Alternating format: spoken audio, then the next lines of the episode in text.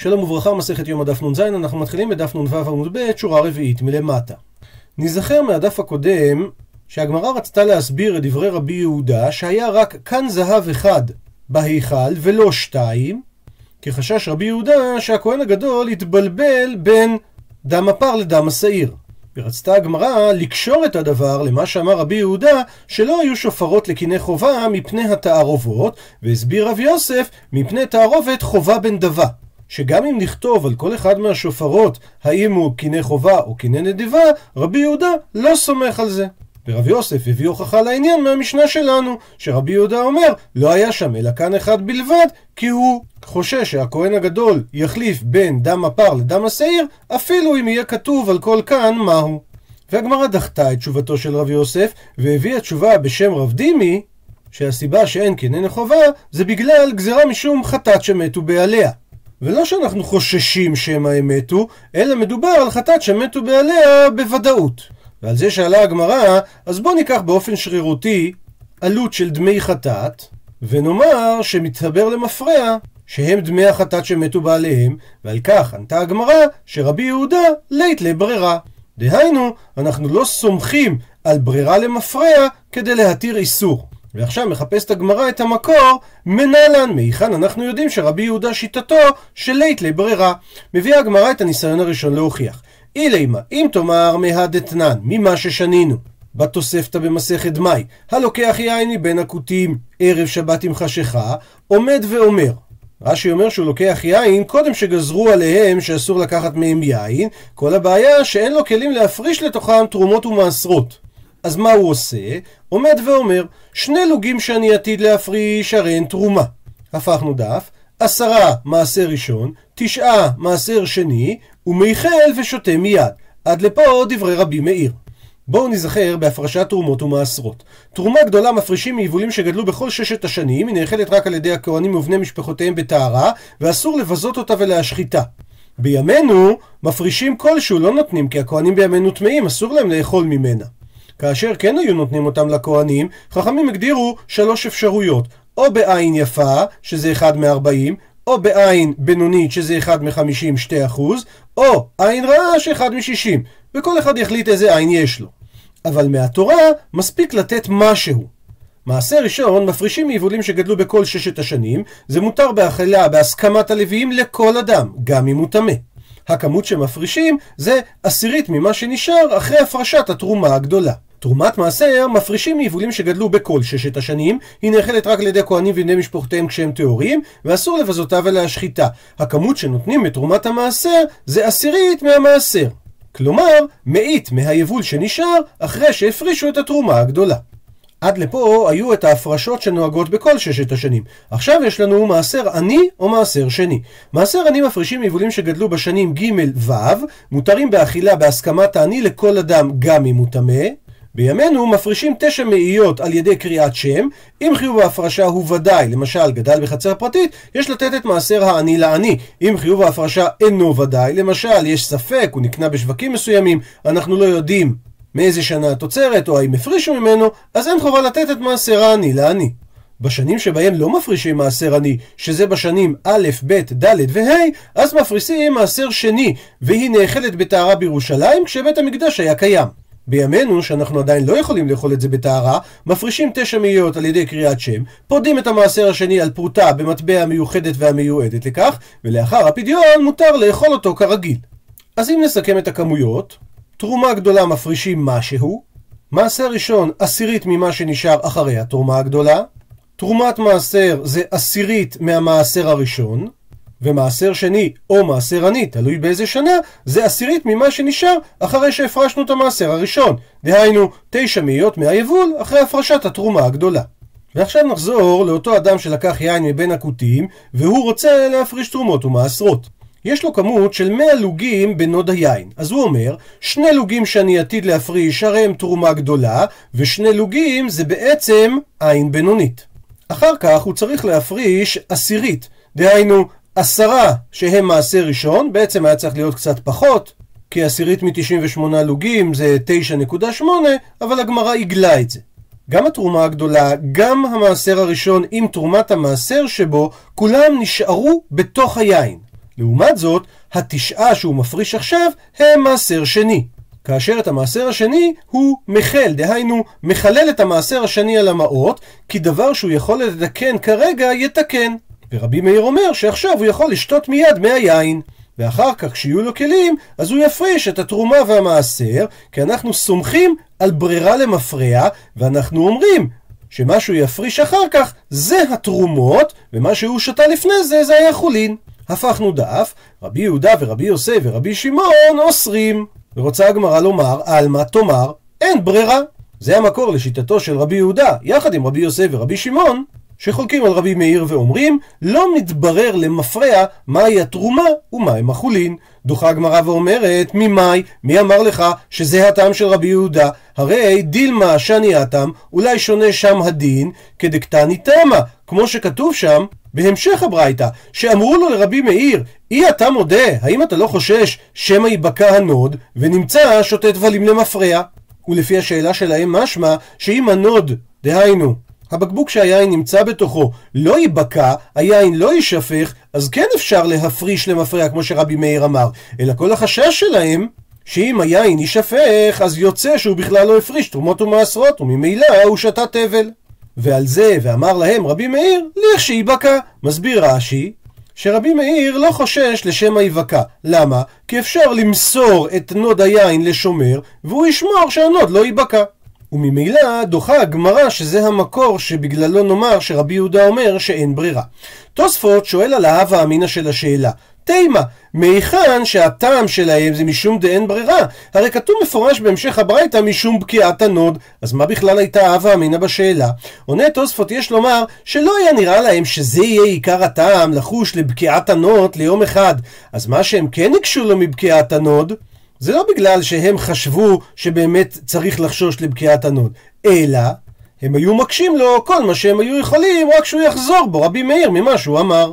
אז ממשיכה הגמרא עכשיו לחפש מהיכן אנחנו יודעים ששיטת רבי יהודה שאין ברירה. אומרת הגמרא, מדתני איו, איו זה שם של חכם, דתני איו שכך שנה איו בברייתא.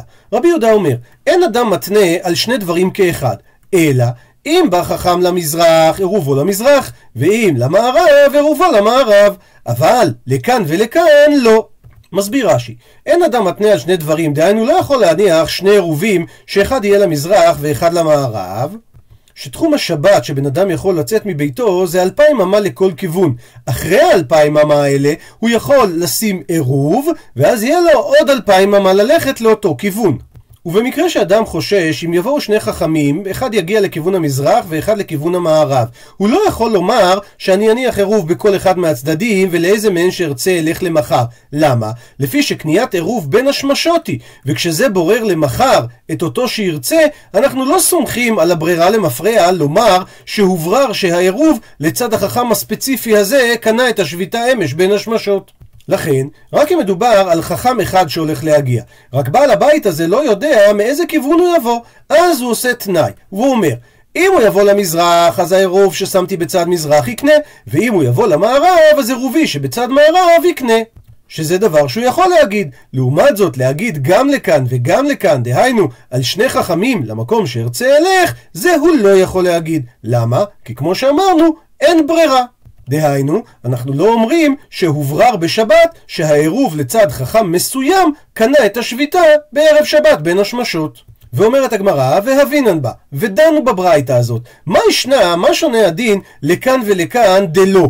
שהוא לא יכול להתנות גם לחכם א' וגם לחכם ב'. מדוע לא? דאין ברירה? אז אם כך, למזרח ומערב נמי גם נאמר אין ברירה. הוא מסביר רש"י, כי הרי כשתלה זה את עירובו בדעת החכם, לומר, יקנה עירוב לרוח שהחכם יבוא ממנה, הרי גם פה בעצם אין ברירה, שמא בין השמשות היה בדעתו של החכם לרוח של הצד שכנגדה. ושואלת הגמרא, מה ההבדל אם מדובר על שני חכמים, שאנחנו אומרים שהעירוב לא תופס, לבין אם מדובר על חכם אחד שמגיע, רק אני לא יודע לאיזה כיוון הוא יגיע. שכמו שבשני חכמים אנחנו אומרים ש... אין ברירה והדבר לא מתברר למפרע איזה מהעירובים קנה בערב שבת, לכאורה אותו טעם קיים בדיוק גם בחכם אחד, שאני לא יודע אם הוא יגיע לצד א' או לצד ב'. ואמר על כך רבי יוחנן, כשכבר בא חכם. דהיינו, החכם כבר הגיע בין השמשות, ולכן העירוב שהיה לצד ההוא קנה לאותו הרוח. כפי שהתנה בעל הבית, והחיסרון היה בדעתו של בעל הבית, הוא פשוט לא ידע בזמן בין השמשות איפה בפועל נמצא החכם. אז מה שהוא אמר, אני מניח את עירוב א', אם החכם נמצא פה כרגע, אז הוא יקנה, אני מניח את עירוב ב', ואם החכם נמצא במיקום ב', אז העירוב הזה יקנה. וממילא זה המקור לשיטתו של רבי יהודה שאין ברירה. שואלת הגמרא, והשתא דאמרינן, ועכשיו שהגענו למסקנה שלרבי יהודה אין ברירה, ולא ניתן לברר למפרע מה היה האיסור, וזה הטעם. שלפי רבי יהודה לא היה שופר עבור קיני חובה, כי אם ימות בוודאות אחד מאלה ששמו שם מעות, אנחנו נצטרך לזרוק את כל המעות לים המלח, אבל זה אומר, הכתיבה איתלי. אז לפי רבי יהודה כן אפשר לסמוך על דבר שכתוב. אז אם ככה, יום הכיפורים נמי נעבד תרי, אז למה ביום הכיפורים שלא נעשה שני קנים ונכתוב עליו? ונכתוב על כל אחד מהקנים מה זה דם השעיר ומה זה דם הפר. עונה על כך הגמרא, משום חולשא דכהן גדול, לאו דעתי. בגלל החולשה של הכהן הגדול, הוא גם צם באותו יום, הוא לא ישן כל הלילה, אם הוא נרדם העירו אותו. אז ממילא, לאו דעתי, הוא לא יכול לעיין מה בדיוק כתוב שם. והוכחה לכך, דאי לא תימך, היא שאם לא תאמר ככה, אז גם בעצם בלא כתיבה נמי, גם בלא כתיבה, לכאורה הכהן הגדול יכול להבחין מה דם הפר ומה דם השעיר. למה? כי היי נפיש והי זוטר. זה כמות גדולה של דם, וזו כמות קטנה של דם. בכל זאת, זה פר וזה שעיר. אומרת הגמרא, וכי תימה, ואולי תאמר, שאולי לא מקבל כולי, אולי הוא לא מקבל את כל כמות הדם, וממילא דם הפר ודם השעיר הם כן באותה כמות, אומרת הגמרא אי אפשר להסביר ככה, למה? והאמר רב יהודה, ורב יהודה פה זה רב יהודה אמורה ולא רבי יהודה התנא שעליו אנחנו מדברים, שהשוחט צריך שיקבל את כל דמו של פר, למה? שנאמר ואת כל דם הפר ישפוך, אז אם צריך לשפוך את כל דם הפר, גם צריך לאסוף את כל דם הפר, אז ודאי שכמות דם הפר היא הרבה יותר מאשר כמות דם השעיר. ובכל זאת חשש רבי יהודה שהכהן יתבלבל. ממשיכה הגברה ואומרת, וכי תימה, ואולי תאמר, דילמה משתפך מיני, אולי הוא כן אסף את כל הכמות, אבל אולי נפל לו חלק ממנו, ולכן הוא לא יכול לשים לב איזה כמות גדולה ואיזה כמות גדולה. אומרת הגמרא, אבל עדיין יש סימן אחר. היי חיוור, זה הדם של השעיר הוא בגוון אדום חיוור, והי וזה הדם של הפר הוא בגוון סומק, דהיינו בגוון אדום עז. ובכל זאת אנחנו רואים שרבי יהודה חשש למרות הסימנים האלה שהכהן הגדול יתבלבל בין דם הפר לדם השעיר, לכן בהכרח צריך לומר, אלא משום חולשא דכהן גדול, לאו הדעתי. בגלל החולשה של הכהן הגדול, רוב המשימות שנמצאות עליו, הוא לא שם לב לדברים האלה. אז החנמי, כאן גם. לעניין מה ששאלנו על הכתיבה, אפילו אם יהיה כתוב על כל אחד מהקנים למה הוא מיועד, עדיין אנחנו חוששים שמשום חולשא דכהן גדול, לאו הדעתי. ומביאה הגמרא סיפור. ההוא דנחית קמי דרבה, אותו שליח ציבור שירד לפני רבה. בסוגריים, יש שרצו לומר שהמקום של שליח ציבור היה נמוך יותר, כמו שהגמרא בברכות אומרת, ממעמקים קראתיך השם. אבל מבחינה ארכיאולוגית לא מצאנו סימוכים לדבר הזה. כל בתי הכנסת שמתוארכים לתקופת התלמוד, אין בהם דבר כזה שהמקום של החזן היה נמוך יותר, יכול להיות שמדובר באופן יחסי לבמה. בכל מקרה, אז אותו שליח ציבור אמר, יצא והניחו על כאן שני שבהיכל, נטל דם הפר והניח דם השעיר. אז אותו שליח ציבור, הוא אומר את סדר יום הכיפורים בתפילה, כמו שאנחנו אומרים היום בתפילת יום הכיפורים, אבל הוא עושה כאן איזשהו מיקס. מצד אחד אומר שהוא הניח אותו על הקן השני, אז יש שני קנים, מצד שני הוא אומר, נטל דם הפר והניח דם השעיר. ולכן אמר לרבה, חדה כרבנן וחדה כרבי יהודה? אתה אומר משפט אחד שמתאים לשיטת חכמים שהיה שם קן שני, דהיינו שני קנים, ומשפט שני אתה אומר כרבי יהודה. שכאילו היה כאן אחד, ולכן הוא קודם צריך ליטול את דם הפר, ורק אחר כך להניח את דם השעיר. לכן מתקן אותו רבא ואומר לו, אימה, תאמר, הניח דם השעיר, ואז ונטל דם הפר. דהיינו, כשיטת חכמים, שיש שני קנים בהיכל. ציטוט מהמשנה, ועיזה ממנו על הפרוכת כנגד ארון מבחוץ. מביאה הגמרא את המקור לדין הזה, תנו רבנן, שנו רבותינו בברייתא. נאמר בתורה, וכן יעשה לאוהל מוהד. מה תלמוד לומר? דהיינו, מה באה המילה יעשה ללמד אותנו? כי אם נקרא את הפסוק בפנים, מספיק היה לומר, וכיפר על הקודש מטומאות בני ישראל ומפשעיהם לכל חטאותיו, וכן לאוהל מועד השוכן איתם בתוך טומאותם. למה התורה אמרה, וכן יעשה לאוהל מועד השוכן איתם בתוך טומאותם? ומכאן לומדת הברייתא, שכשם שמזה לפני ולפנים, דהיינו בקודש הקודשים, גם את צורת הזהב וגם את הכמות שלה, כך מזה בהיכל. הוא מפרט את הברייתא. מה לפני ולפנים? הוא מזה אחת למעלה ושבע למטה מדם הפר. כך מזה בהיכל, מדם הפר, אחת למעלה ושבע למטה. וכשם שלפני ולפנים הוא מזה אחת למעלה ושבע למטה מדם השעיר, כך הוא מזה בהיכל, אחת למעלה ושבע למטה מדם השעיר. הוא מסיים את הברייתא לדרוש גם את המשך הפסוק, השוכן איתם בתוך טומאותם, אפילו בשעת שהם טמאים שכינה עמהם, ועל כך אמר להוא צדוקי לרבי חנינא. הפכנו דף, אומר לו הצדוקי, השתא ברי טמאים אתון. דהיינו, עכשיו, אחרי החורבן, כשגליתם מארציכם, ודאי טמאים אתם, ואין שכינה ביניכם. למה? כי השכינה לא שורה בטומאה, דכתיב טומאתה בשוליה. שזה מה שנאמר על עם ישראל במגילת איכה. אמר לי, דוחה אותו רבי חנינא ואומר לו, תחזי מה כתיב בהו, בוא תראה מה כתוב בהם על בני ישראל, השוכן איתם בתוך טומאותם. דהיינו, אפילו בזמן שהם טמאים, שכינה שרויה ביניהם. עד לכאן דף נ"ו.